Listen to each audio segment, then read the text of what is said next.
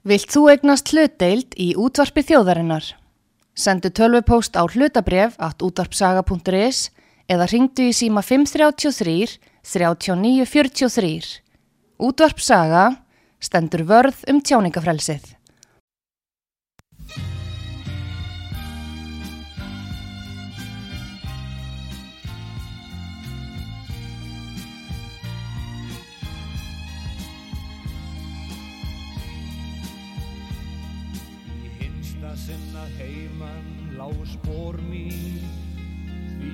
Hamingjuna fann ei lengur þar. Og hratt ég gekki fyrstu uns ég herði fótatak og háum rómi kallað til mín var. Kallað byttu pappi byttu mín. Byttu því ég kem til þín. Ægur rasað og dætt byttu pappi byttu mín.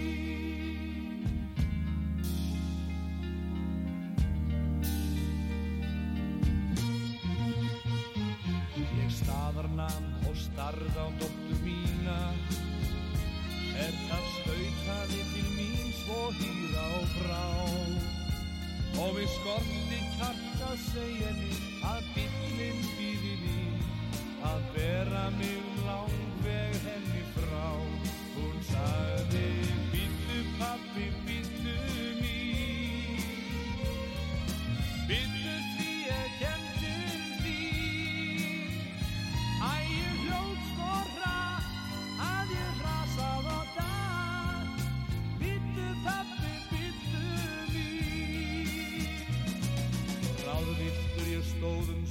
stund og þagði En am stað svo lagði aftur heim á leið. Ég vissi að litla dóttir mín, hún myndi hjálpa mér Að mæta vanda þeim sem heima beig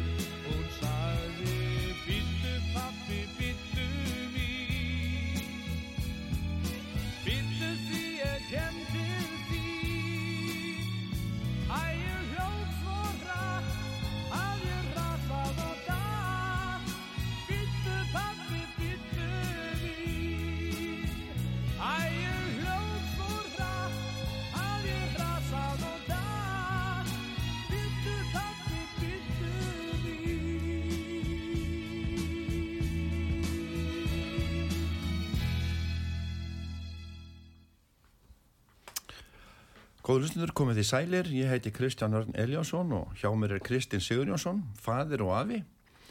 Við ætlum að tala um feðradaginn sem er á sundaginn kemur, karladaginn sem er á sundaginn þar á eftir og ímis önnur mál sem þykja viðkvam, eins og til dæmis samskipti og samskiptarleysi kynjana. Velkomin í þáttin, Kristinn. Já, þakkaði fyrir að bjóða mér hérna og tala um þetta mikilvæga málefni sem hefur svolítið sett svona verið hort kelling í, í, dag sko. Já, herru, fe feðradagurinn, þú uh, valdir þetta lag sem að, að, með Vilhjálmi, Býtu pappi, býtu mín. Hvers vegna valdur þetta lag? Veg, vegna þess að þetta fyrirbæri sem er kannski allt og lítið talað um það eru samskipti feðra við börn sín og þetta lag það lýsir óskaplega vel vandi þykju bars til föðusins hvernig það leita til hans til þess að fá ráð til þess að komast í skjól og fá vernd. Þetta er óskaplega fallegt, huglugt lag sem segir kjarnan í góðu sambandi föðus og bars. Um, hver er saga fe feðradagsins? Þetta er ekki mjög gammal dagur, það? Nei, þó þannig að upphafið er þó miklu, miklu eldra. Það var mjög alvarlegt námuslis í bandaraukunum þar sem á 400 feður dóu.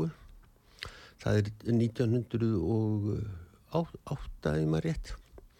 Þannig að um, það er hérna kona sem er dóttir eftirlöðan þeirra sem hefur frumkvaða því að stopna þennan dag 19. júni 1910.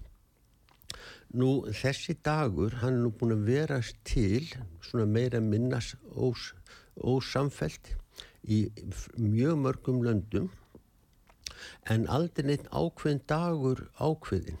Þetta er svolítið mismönd eftir löndum og e, í sumum löndum er þetta jæfnvel frídagur en ekki öðrum. Nú á nor flestu norðurlöndunum þá er þetta var ákveðið þetta skildi vera annar sunnudagur í nóvembir en þetta er þó ekki alveg sko orðið alþjóðlegt en þó kannski á hann eftir að breytast. Í, í Danmörku er hann ekki á þessum degi, við minna sér í júni í Danmörku sko, en í Svíþjóð og Noregi og Íslandi og Finnlandi, þar er þetta annar sunnudagur í júni, meðan aftur á móti Karladagurinn, hann er alltaf 19. fyrir november, annar sunnudag í november, en Karladagurinn er alltaf 19. november, mm. og því hvað dag það gerist. Núna gerist þetta bara með viku millibili.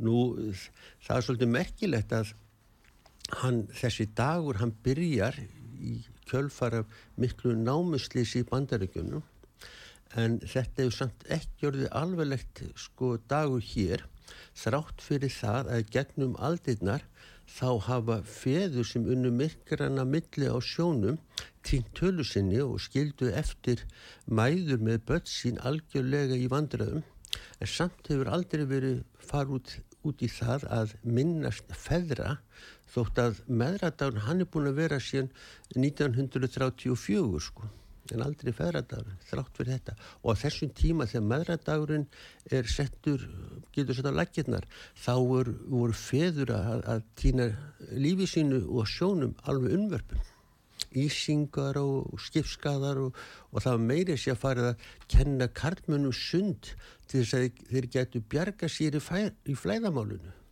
mm -hmm. Ég hef meitt las uh, um það með hann í bandaríkjum sem tala um þessa dótt, dóttir þessar manns að hann var hérna hann var bara einn með sex börn sko og Já. hann vildi minnast pappasins uh, með því að Já. Þetta talaði við prestana, vildi hafa í kirkinu svona einhverja minningarstund og, og búa til feðradag. Já, móðurinn er eins og segir sex börn og, og móðurinn deyra basfurum og hún lendir í því að þurfa að ala upp sískinni sín með föðu sínum. Og, og þannig verður þetta byrjunin. Og þetta er svolítið sérstakt, það er reynda svolítið merkilegt að, að konur eru miklu dugleiri við það að vekja aðtíkla á svona góðum álöfnum og við sjáum það til dæmis í hér að konur hafa nánast staði fyrir flestum góðum hlutum feðurnir er bæði hlétaræri þeir kvarta ekki, þeir segja ekki frá og þeir eru bara aldrei við það að vinna bara út á mörkinni sko. mm -hmm. Hver, Hvers vegna fórst að kynna þið feðratæðin? Hvað, hvað var til þess að þú fyrir svona áhuga á þessu? Nú, þannig nú málum vest að ég hef nú nokkuð ríka svona jafnre réttlætiskend og, og ég til dæmis er í neytendarsamtökunum og, og, og svona samtöku sem, sem sinna almannahagsmunum. En sjálfur er ég nú einstæður fadir þótt að uh, svo skilgreining sé nú ekki til í, í hagstofunni. Heldur bara, eða sko það til einstæðir foraldri sem er alltaf móðir, er nánast alltaf móðir. Og En þeir sem eru vest settir í samfélaginu, það eru sko feður sem hafa ekki fossjóna með börnunum. Þetta hefur komið fram en vegna þess að þeir eru ekki flokkaðir í hagst, hagstunni sem einstætt foreldri, þá lenda þeir alltaf í hópi með fosstjórum og öðrum sko einstæklingum. En sjálfur er ég nú einstæður fadir og, og ég fór nú, að það er rétt að geta þess kannski að ég fór nú að fylgjast með þessu bara í mentaskóla það var nú kennari minn sem, sem var svo óeppin að, að konans hafði við sinnisveikja að, að eiga og uh, þetta var nú svona vandamál, feður voru alltaf réttlus algjörlega, þetta var nánast litið á börni svo enga eign maðra. Og þannig að ég var alltaf svolítið heitur heitt í hamstri þegar ég fór að, að heyri fréttir af þessu og basmóðu mín og, og fyrsta kona hún spurði mig einu sinni svona í hálkjæringi hvernig, þegar ég hafði ekkert tíma að vera æsa mig eftir frettum um þetta réttleysi, þá spurðu mig, heyrðu Kristinn, átt þú einhver börn sem ég veit ekki um? þetta mér þótti þetta mjög skemmtilegt sko því, því að þetta lísti svolítið hvernig við horfum var. Nú síðan skiljum við og ég náttúrulega, þá náttúrulega er þá orðin einstæður fadir og ég gengi félag um ábyrgra feður sem var þá hétt á félag ábyrgra feðra heitir í dag félagum fóröldi jafnbretti og uh, í þarna náttúrulega uh, verð ég var við þetta meirasta umhverfi eins og allir mót, skoðinni fólk mótast af umhverfinu og ég átti og á ennþá frenda sem hefur ekki séð dóttir sína í yfir í áratug. Og hann getur ekkert gert, hann var búin að eigða alveg eh, sko miljónum, ekki 20 miljónum bara í að, að, að fá, um, fá að hitta dóttur sína. En það gekk ekki. Þannig að ég lendi í því að vera í fulltrúaráði um félagum fóröldarjafnleiti sem þá hétt og ég fór að spurjast fyrir um gögn um þetta mál, þessi mál og mér var bara sagt að þau var á netunu. Nú svo ég byrjaði að kynna mér þessi gögn.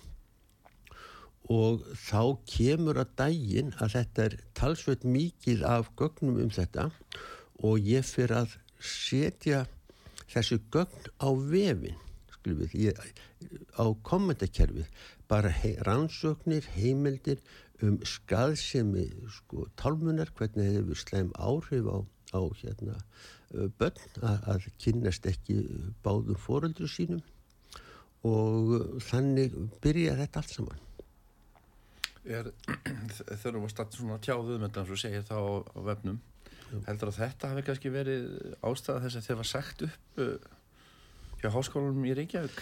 Já, sko þetta því er ekki neita náttúrulega. Ég hafi verið eh, svolítið að kynna mér þetta og ég sko kemst að því í þessum greinu sem ég les hvað ábeldi tálmunni mikið ábeldi svo ég finn nú að velta fyrir mér býtu við, tálmanir eru lang oftast frá hendi maðra en það er nú yngöngu vegna þess að þær hafa oftast sko forsjóna í, í skilnaðu og þá kemur á daginn að ofbeldi er alls ekkit kynjaskipt. Þannig að umræðan fyrir svolítið að breytast, ég er ekki bara gaggrína sko tálmanni heldur líka benda á það að ofbeldi er ekki kynjaskipt og ef við ætlum að berjast gegn ofbeldi að þá verðum við að komast upp úr skotgröfunum að það sé bara einn aðili á heimilinu sem beitu ofbeldi. Nú þetta virtist hafa eitthvað farið fyrir, fyrir hjartað á, á þarna mannustjóra háskólans og eftir komment sem ég hef skrifað inn á lokaða heimasíðu sem fjalla um þetta þá, þá hérna er ég kallaður inn á teppið á miðju missiri og mér er sagt upp algjörlega fyrirvara lust og ég fekk ekki að tjá mig um málið, ekki til skoðinni, það var, það var bara sagt, höfðu Kristi minn, þínu starfsferðli hérna er lokið. Og þetta náttúrulega þótti mér enn en eitt óbeldið sem kallmenn verða fyrir að, þannig ég er alveg samfærðum það að, að þetta sé ástæð fyrir þegar ég mér var sagt upp. Er þetta 2018 eða 19? Þetta er 3. oktober, 4. oktober 2018. Það er komin 5 ár síðan sko. Og, og hérna það var greinilegt að þarna átti að þakka niður í mér. Eh, það hefur verið gerðar ítrekkaðar tilhörn til þess að þakka niður þessa umræðu. Það er til dæmis eh, kona sem er nú orðin nýra, hún er enþá lifandi hún eh, stopnaði fyrsta kvenna aðkvarfi í Breitlandi heiti Erin Pitsi og hún komst að því að, að 62% kvennana sem komu í, í atkvarfið höfðu verið að berja mennina sína jafn mikið eða meira. Og þegar hún segir frá þessu þá er hún líka tekið niður. Hún er algjörlega flæmt niður og enda með því hún flæmist út úr landi. Nú síðan er ég gott dæmið um að hérna. Það er eh, starfssysti mín í háskólanum í Danmörku. Hún fór að gaggrina mítu umræðina hún var líka látin fara um söpa leiti og þannig má, má nefna mörg dæmi um, um það að það má ekki ræða þessi mál sem fjalla um óbeldi kvenna. Já, þetta er alltaf viðkvæmt og hérna, eh, ég er kannski mér líka beinast að spyrja þið sko, mm, ég ætla bara að fullera það, okkur þetta kynjastrið, hva, hva, hvað er að gerast, okkur það er kynjastrið í gangi? Já, já, sko, þetta er alveg ótrúlegt vegna þess að það hefur komið á daginn í þessum umræðu um óbeldisfólk, ég vil kalla óbeldisfólk en ekki óbeldismenn að 80-85% hafa búi eða kynst óbeldi á esku árum fyrstu 24 árin í lífi hvers manns hefur óskaplega mikið að segja um það hvernig hann verður í framtíðinni. Og þess vegna skiptir svo miklu máli að reyna að komi vekk fyrir allt ofbeldi í samfélaginu en ekki horfa gegnum fingur sér með einhverju ákveðni aðilar með að beita því, þá sé ekkit gert og það er það sem ég hef verið að reyna að berjast eh, sko fyrir að gera þetta ekki að kynjastriði Já, en ég skil uh, áhugaðinn en þetta er eitthvað sem að þú hefur bara verið að tjáðu um og, og hérna og þetta kviknaði svo segir í mentaskóla þú varst að svona fólk er að velta fyrir sig alveg sem með stúlkunar í bandaríkjum sem vildi hera pappa sinn. Já, já. að hérna en síðan þegar menn sem eru sko komnir meðan aldur og, fram með það kannski er þetta mm, er, er, er við þessi karlar, eru við karlarömpur sko Er þetta eitthvað sambland? Já, já sko, sko, eitt af því sem ég hef verið að gaggrína, það er að öll samfélagsumræðin, í, þá ég við í fjölmjölum, hún er algjörlega stjórna af konum á, sko, um konur á forsundum hvenna og það er nánast eh, eins og kallmenn séu ekki normal af því að þeir hegða sér ekki skonur.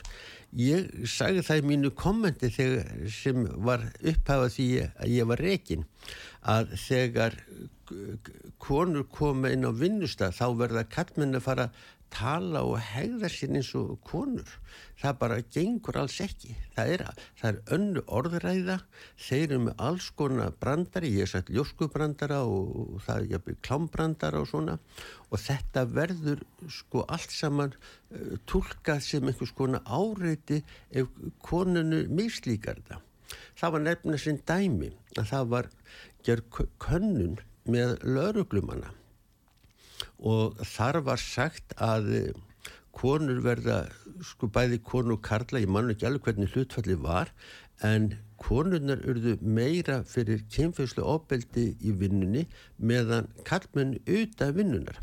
Svo þegar ég var að lesa sko allt þetta, að þá er þetta ofbeldi eða, kynferðslega áreiti alls konar bara orðræða eins og sko, hún er feit og hún er, er, er ljót og hún er eitthvað þess að það svo kynferðslegar en líkamlegar lýsingar. Og þá er þetta orði upplifun þess sem fyrir verður en sá sem segir svona, hann þarf ekkert endilega að hafa upplifað þetta sem kynferðslegt sko áreiti en orðræðan er í samfélaginu hún er öll á forsendum uh, hvenna Getur þetta verið til þess að, að það er komið þá svona stert inn í þetta til að hvað, hraða þessari þróun til jafnbrettis eða eins og eða það þurfa að beita svolítið aflir til þess að, að snúa eitthvað svona niður Já. Er þetta tímabundi sem að laga svo? Maður getur nú haldið það ef maður, ef maður vill trúa því sko. En það er nú frægur dagur hérna sem var hérna við köllum kvennafrídagur sem var náttúrulega ekki bytt frí, þetta er ekki frídagur en það er fjölmyndu þarna og það voru tvö slagurð sem hljómuðu gegnum gangandi í þessu fundi. Það var annars vegar baráttan gegn kynbunnu ofbeldi og svo var þetta fræga fökk feðravildi. Nú er rétt að geta þess að ég hef nú soldið verið að spyrjast fyrir um það hvað feðraveldið er og ég fyrir aldrei einn svör. Það er eina sem vísaðir í, það er að feðraveldi sé einhvers konar hérna launamunu, þetta sé launamunu því að þegar kemur að ráningum þá sko njóta konur jafnvel ríkari ráningaréttar heldur en kallmenn.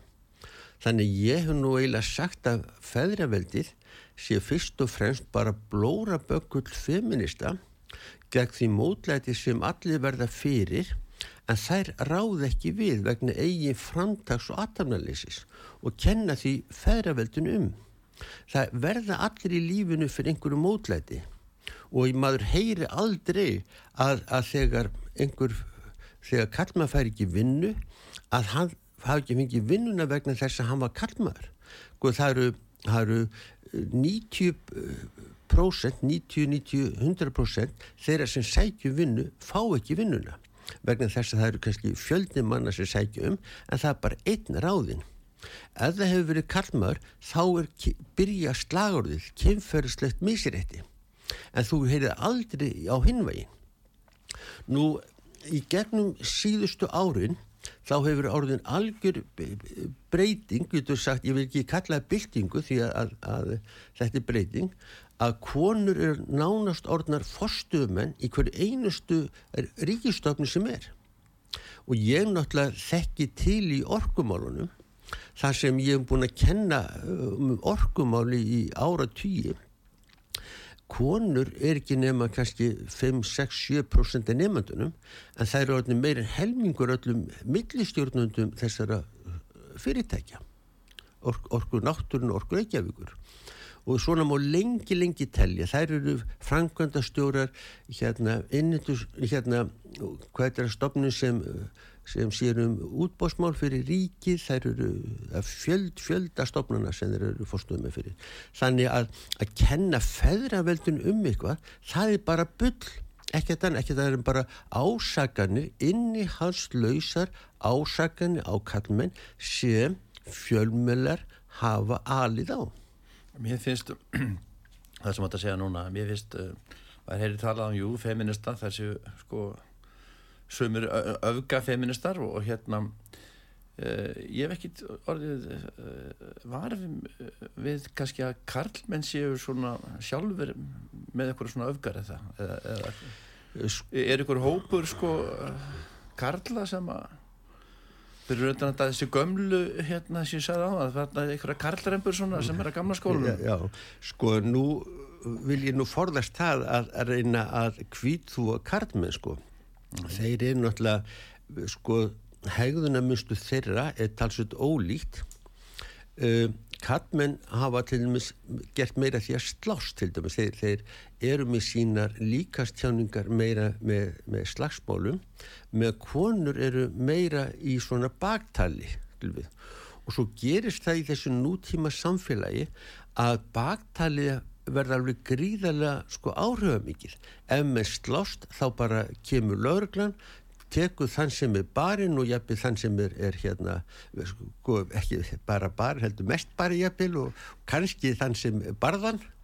Og, og svo fer þetta fer viðkomandi í fangilsi slísadeildina og svo er máli lang oftast búið.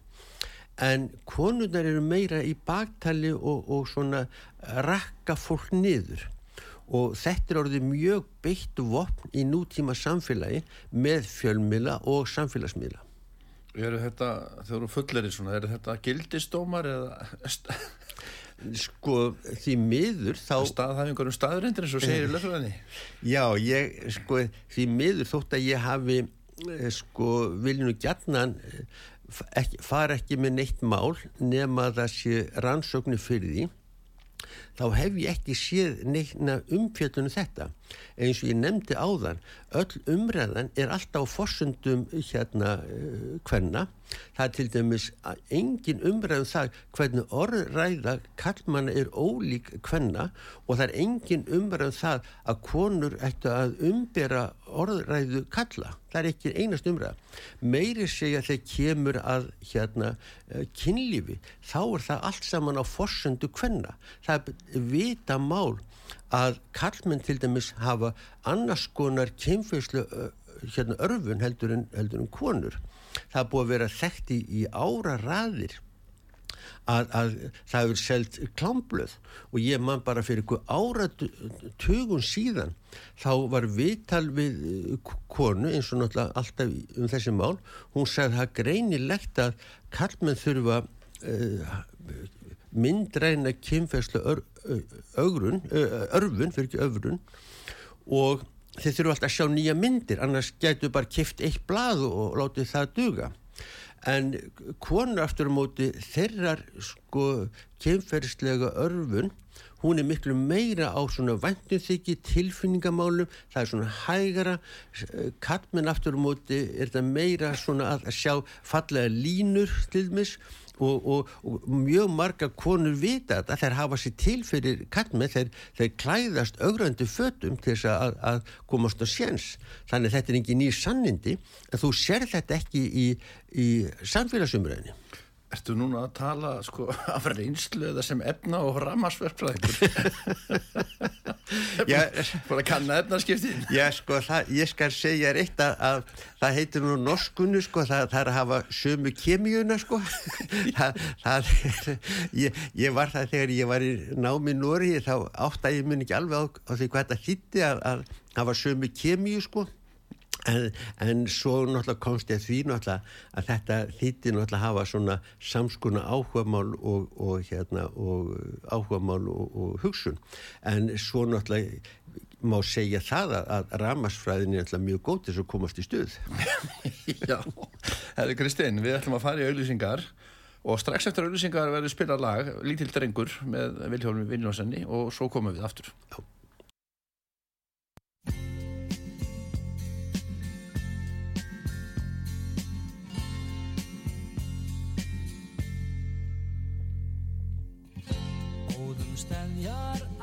sá dagur ammæli þitt kemur sem.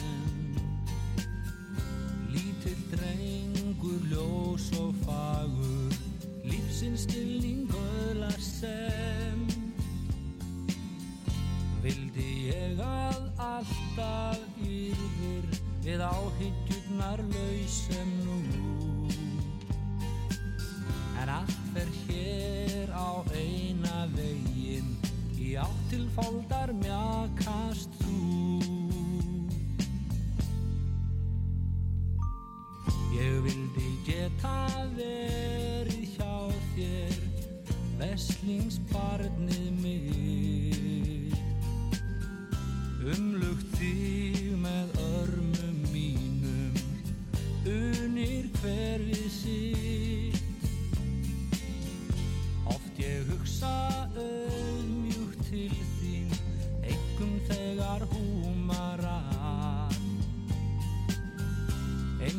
fari óra vegu, áttu mér í hjartastað.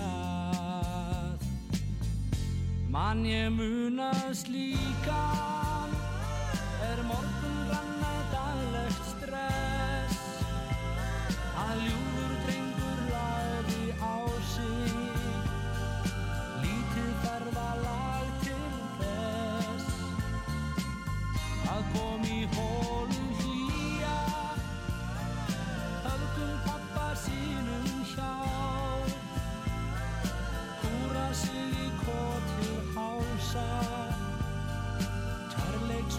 þýtti þá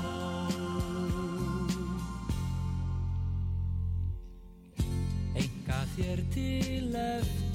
breytni alla betri menn en mig.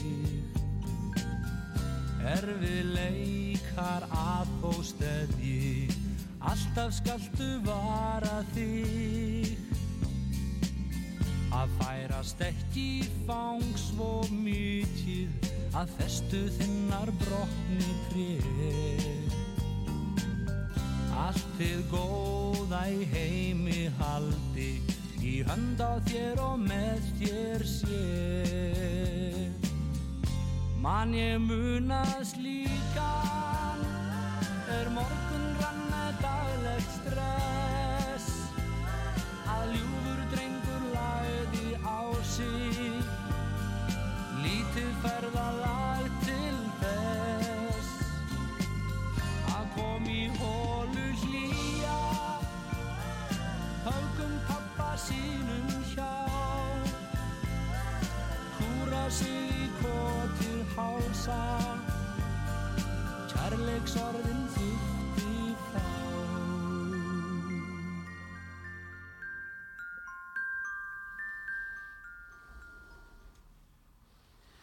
Jæja, við erum komin aftur. Ég heiti Kristján Örn og hjá mér er eh, Kristinn Sigurjónsson, fadur og afi. Við erum að ræða um feðradaginn sem er á sundaginn, kemur og við ætlum aðeins að fara inn á kalladaginn sem er sundaginn þar og eftir og svo hafa við verið að ræða þessi mál svona um samskipti eða samskiptaleysi, kynjana kannski ekkur leiti. En þarna, þú valdi þetta lag líka, að Vilhjá með Viljánsson, lítill drengur.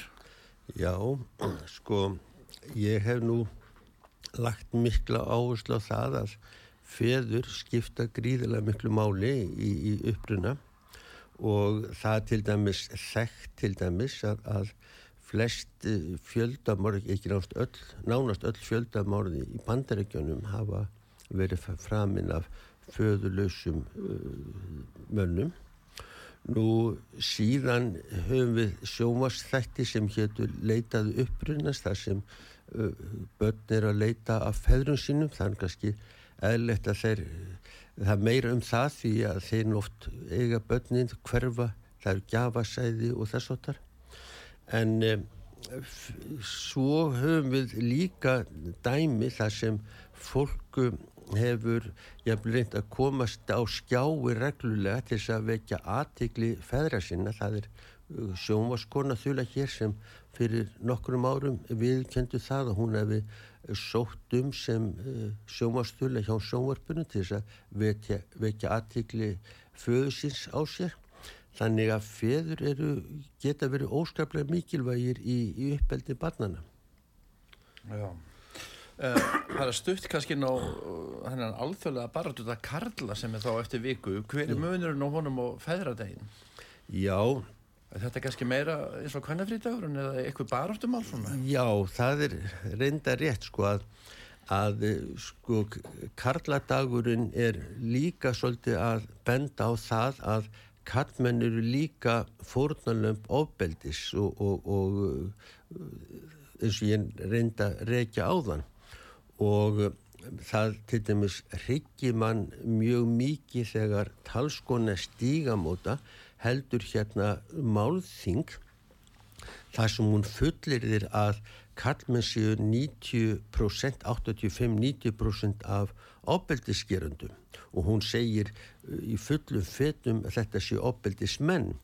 Vegna þess að alla rannsóknir sem ég hef komst að segir eins og ég nefndi á þann ofbeldi er ekki kynjaskipt skipt og hún, og hún getur ekki vísa í þetta og það er alveg sko langur vegur uh, það er frá þessu og það er til gríðarlega mikið af rannsóknum um þetta.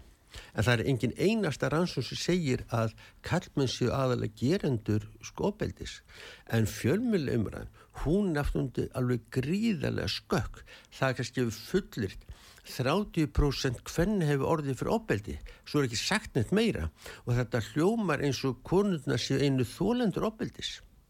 Þannig að karladagurinn, hann er miklu meira að vekja aðtikli á þessu misrétti sem kallmenn verða fyrir.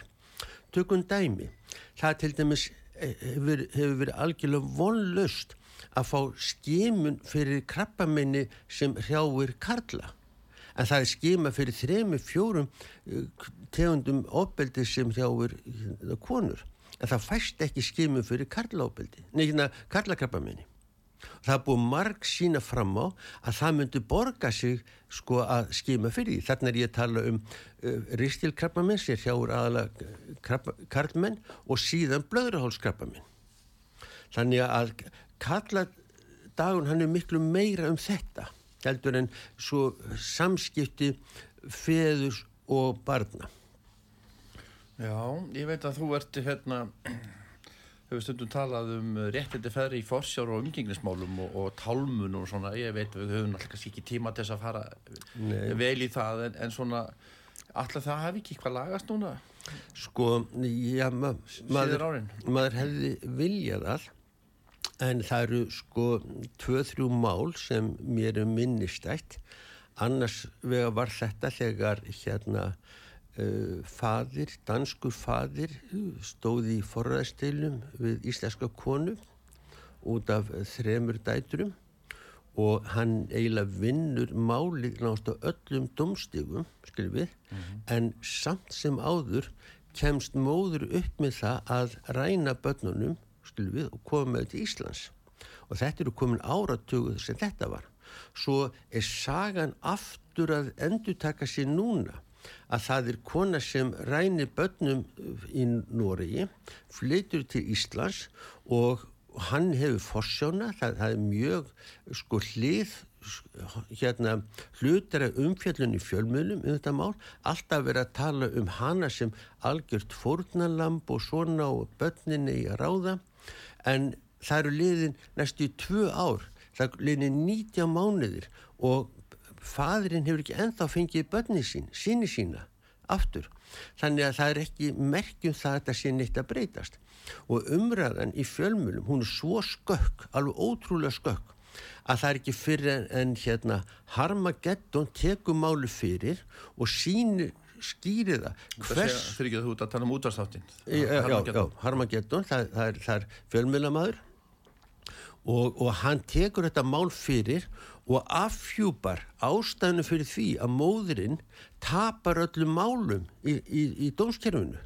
En samt eru fjölmur alveg fullu og það er konið 19 mánuðir og faður ekki enþá búin að fá börnin sín. Þannig að það er ekki að heyra að sjá að það sé mikið að gerast í þessu máli Já, menn að maður verða að kalla eftir einhvern refsingum uh, í sko, e, sko lagalum refsingum í sambandi við svona Já, já, líka segir eitt að uh, þingmaður hérna barðist mjög mikið fyrir því að tálmun er þið refsivert. Sko það er að koma daginn að tálmun er eitt viðbjóðslegasta ofbeldi sem hægt er að beita börn. Þau afvegalegst til fara í eitulif, þau hérna fremja miklu frekar sjálfsmorð og þannig má lengi telja. Hann barðist fyrir því í mörg mörg ár að þessi, þetta ofbeldi er þið gert refsivert alveg eins og það að raskjalla börn eða löðrunga það voru þingmenn, sérstaklega feministar, sem þafðu málið ítrekað á þingi og þetta ofbeldi er enþá leifilegt. Mm -hmm.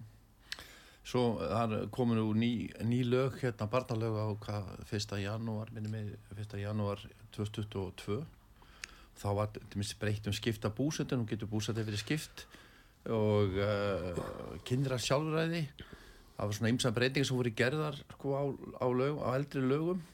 Og svo líka að, að nú getur sko barnið mm, nú getur barnið haft frumkvæði og farið til síslumast það var að hafa frumkvæði því að, að, að hérna að byrjum ráðgjöf eða sátt á meðferð og, og samtal ákveða þessar laga. Þannig að það er komið svona aukin rétt en það barni getur sjálft stigið inn í, inn í svona mál en, það er náttúrulega það fær náttúrulega eftir hvað það er gamalt og þroska og, já. og, og slik sko en þau er nota sko, sí, sívarsendi réttinda með við aldur og þroska og, og, og sko, sko. sko það er þetta geta þess að með samilu forræði þá getur þetta sko umgengnisforeldrið sem í langflestum tilfellum eru feður fengja komast í gögn um heilbríðsgögn og, og, og mentagögn og svoleis án þess að fá nátt formlegt leifi frá, frá lögheimilisfóraldi en ef það kemur upp ástendingastinn þá hérna ræður lögheimilisfóreldi sem er í alltaf móðurinn en þetta með, með að bann getur sjálfu sjálf haft frumkvæði gæti verið að það komi vegna það voru tvö mál þar sem uh, barni var aluð upp við algjörlega óviðunandi aðstæður geðsjúkrar móður og, og það er bara alveg sama hvað fadir feðurni reyndu þeir gáttu ekki komið börnunu frá móðurinni og eitt er að enda svo í, í dómsmáli og hún, barnið, dóttirinn, hún tapaði málunni gagvað, reik, ekki Reykjavík, það var Seltjarnanisbær vegna þess að uh, það var ekki talið refsivert. Þannig að það má segja kannski þarna er komin meiri heimil til þess að ef barn situr býr við algjörlega óviðnöndi aðstæður að það hefði sjálf gett, geta haft frungvað að því að flytja annað. Já, já. Þetta er mjög erfið mál og, og, og flókin löffræðilega síðan líka og það er líka hug, hugtökin sem þarf að, þarf að hérna að uh, menn, menn þarf að gera sig grein fyrir en þarna það hefur verið mikið áfallir þegar að vera sagt upp uh, sem lektori hjá Háskólum Reykjavík sínum tíma og og berjast fyrir jafnrætti tilhanda feðrum og, og körlum. Uh, er þetta ekki eitt mest áfællið sem þú voruð fyrir í lífinu? Já sko það er nú þannig að fólk verður nú alltaf fyrir einhverjum áföllum í lífinu. Ég til dæmis grindist með síkusíki fyrir 40 árum síðan og, og maður sér fólk missa útlimi og þess áttar ég vann á landakosspítala lengi og, og og kynntist þar barnadildinni ég var nú svo heppin að sjá ekki börnin en maður heyrði af börnunum sem voru þar við hróðalegar beklarnir og þess og þar þannig að þetta er nú bara hluti af lífin manns að það er að verða fyrir áföllum.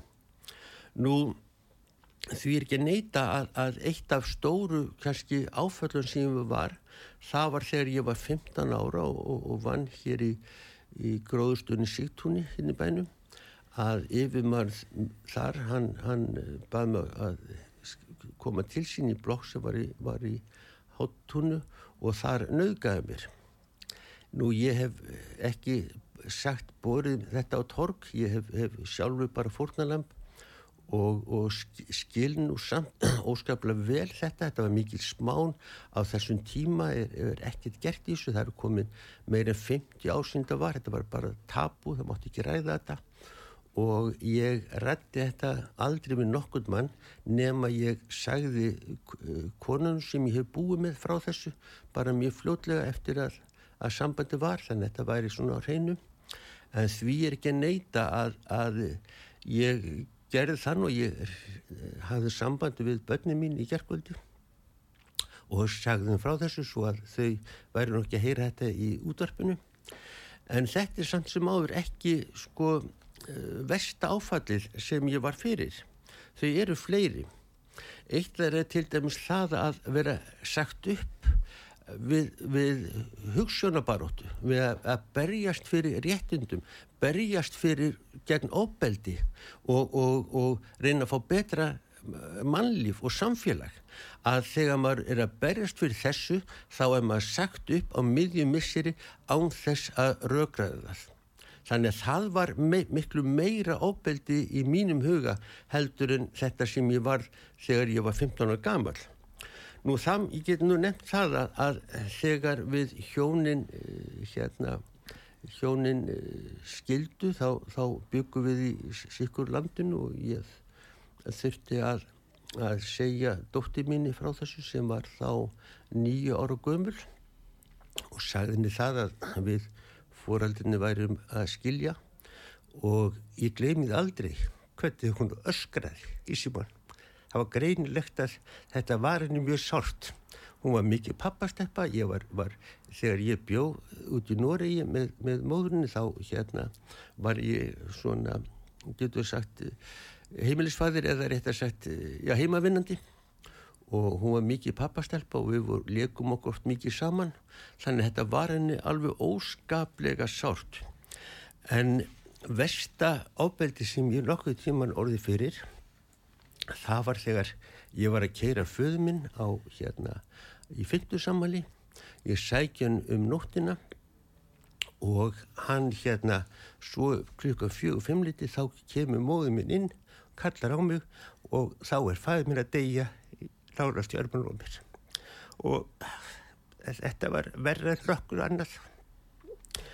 Og það voru að segja það hann beði ekki eftir mér fæður minn. Hann bara fór þarna Nei, og í læginu en hérna, já, það er leiðilegt að heyra þetta. Ég, þarna ef ekki segja þessu, þetta ekki bara segja þessu lokið í dag. Ég, eh, við ætlum að spila lag Ó pappi minn eða ekki, Jú. og það er hver syngur? það er Ingi Björg heitur hún. Þorstinsdóttir Já, eða maður Þorbergs, Þorbergsdóttir, já. Hún syngur þetta. Já, en þættinu þá lokið í dag. Ég þakka Kristinn Sigurðssoni, föður og afa, fyrir komin í þáttinu og fyrir að tala samfæringu sína í erfiðum og umdeldum málum, meðal annars í samskiptum kynjana og viðkvæm máli er snúa honum sjálfum. Þakka þig Kristinn. Þakka fyrir. Braga reynisinni, þakka þig fyrir tæknimál og, og, þáttat, og hérna hlustundu fyrir hlustununa.